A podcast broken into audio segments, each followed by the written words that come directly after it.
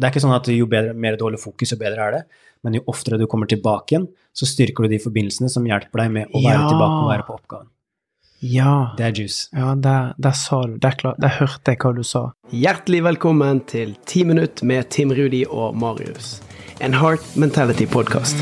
Da er vi tilbake igjen, og eh, Marius har jo utfordret meg til å begynne å meditere. Og eh, den utfordringen den kom ganske sånn brått på. Det kan godt være at du tror at eh, vi forbereder dette her veldig godt, men det var bare et lite kvarter før vi skulle skru på, på innspilling, så sier han at du, det er en ting jeg har tenkt på. Eh, og det kommer jo fra at jeg har snakket mye om et ønske om å kanskje finne mer balanse i i en hektisk hverdag. Være mer til stede når jeg er der. Kontrollere tanker, stress. Så jeg måtte jo Siden ikke vi sa det sånn ettertrykkelig i forrige episode, så tenkte jeg skulle si det nå, for jeg, jeg måtte gjøre et Google-søk på det store norske leksikon. Hva er egentlig meditasjon? Og meditasjon er en mental praksis hvor oppmerksomheten bevisst rettes mot en ting, lyd, følelse, tanke eller kroppsfornemmelse. Målet med meditasjon kan være å oppnå fysisk og mental velvære, økt mental kapasitet, utvidet bevissthet, åndelig innsikt, enhet med en forestilt guddom, eller utslukning av alle tanker og følelser. Meditasjon foregår ofte innenfor religiøs ramme, men det finnes også sekulære meditasjonsformer. Sekulære, altså ikke-religiøse. Og det er jo et ganske sånn svulstig definisjon. Eh, så jeg tenkte, at- For da har vi liksom forankret den. sant? Dette er definisjonen på meditasjon i det store norske leksikonet. Eh, og jeg tror for min del så er det det å skape ro og balanse i en kaotisk hverdag. Eh, og så lurer jeg litt på For nå skal jo du være mentoren min. Du er jo straks eh, utdannet instruktør, så det her blir jo helt perfekt. Hvordan skal jeg begynne? Nå vet jeg jo at, at du har gjort forarbeidet, det ligger i appen, og jeg skal begynne å lytte på episodene der, men er det andre ting jeg må være bevisst på? Eh, ja, altså meditasjon, hvis du tar for deg det selve ordet, da, det betyr what, what you hold in mind, altså hva du holder i, i sinnet. da. Og det er jo det vi skal trene på, å holde ting i sinnet vårt som kan f.eks. gi deg ro. Og det at du har en intensjon om at jeg ønsker å få mer ro, kjempefint.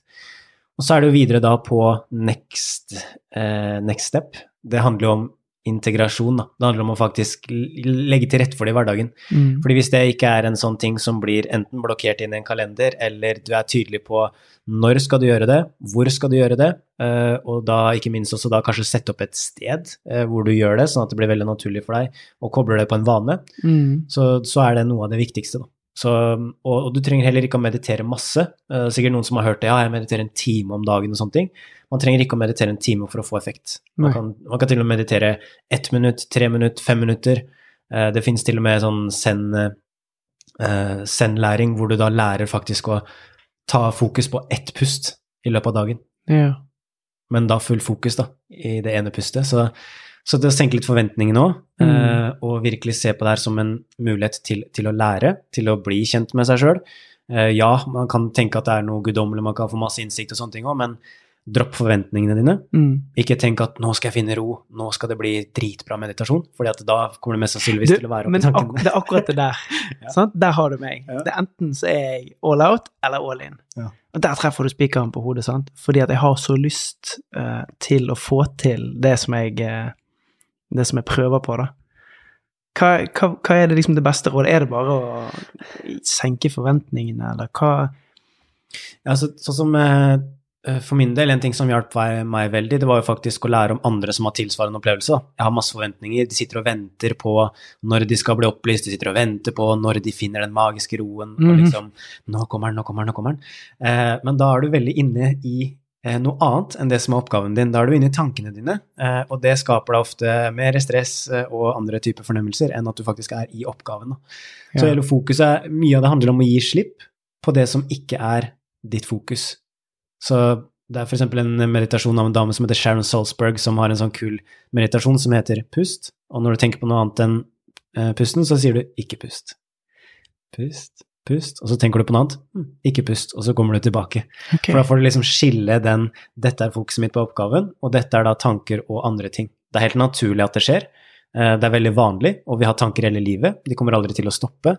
Jeg eh, vet ikke om du har prøvd å stoppe tankene dine før og si stopp, stopp, stopp.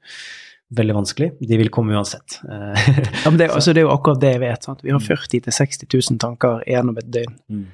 Uh, og for meg, så jeg er nok der som du var når du startet. Jeg tenker veldig mye, og det er masse motorer som går hele tiden, og det er ulike takter og ulike tempoer.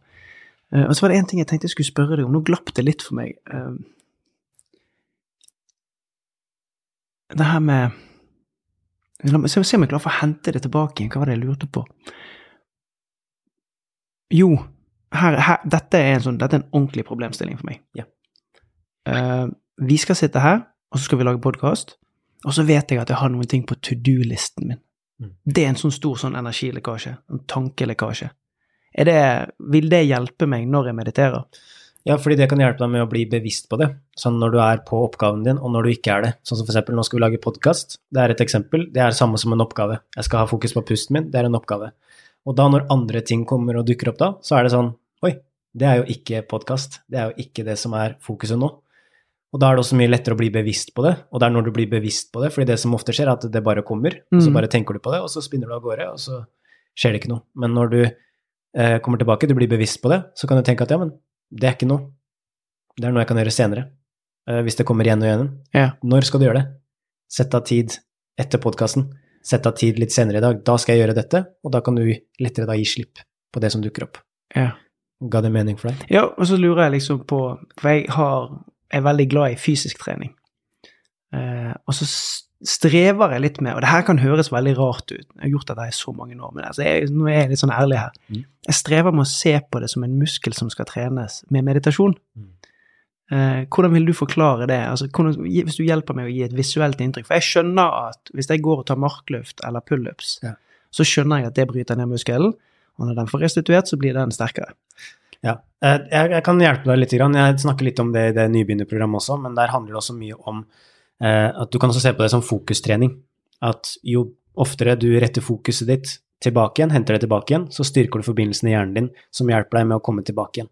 Så du har eh, nervebaner som hjelper deg med å holde fokus. Så mm. når du er fokusert på en oppgave, så er det forskjellige sentre i hjernen som er aktive, versus når du er distrahert og over på andre ting.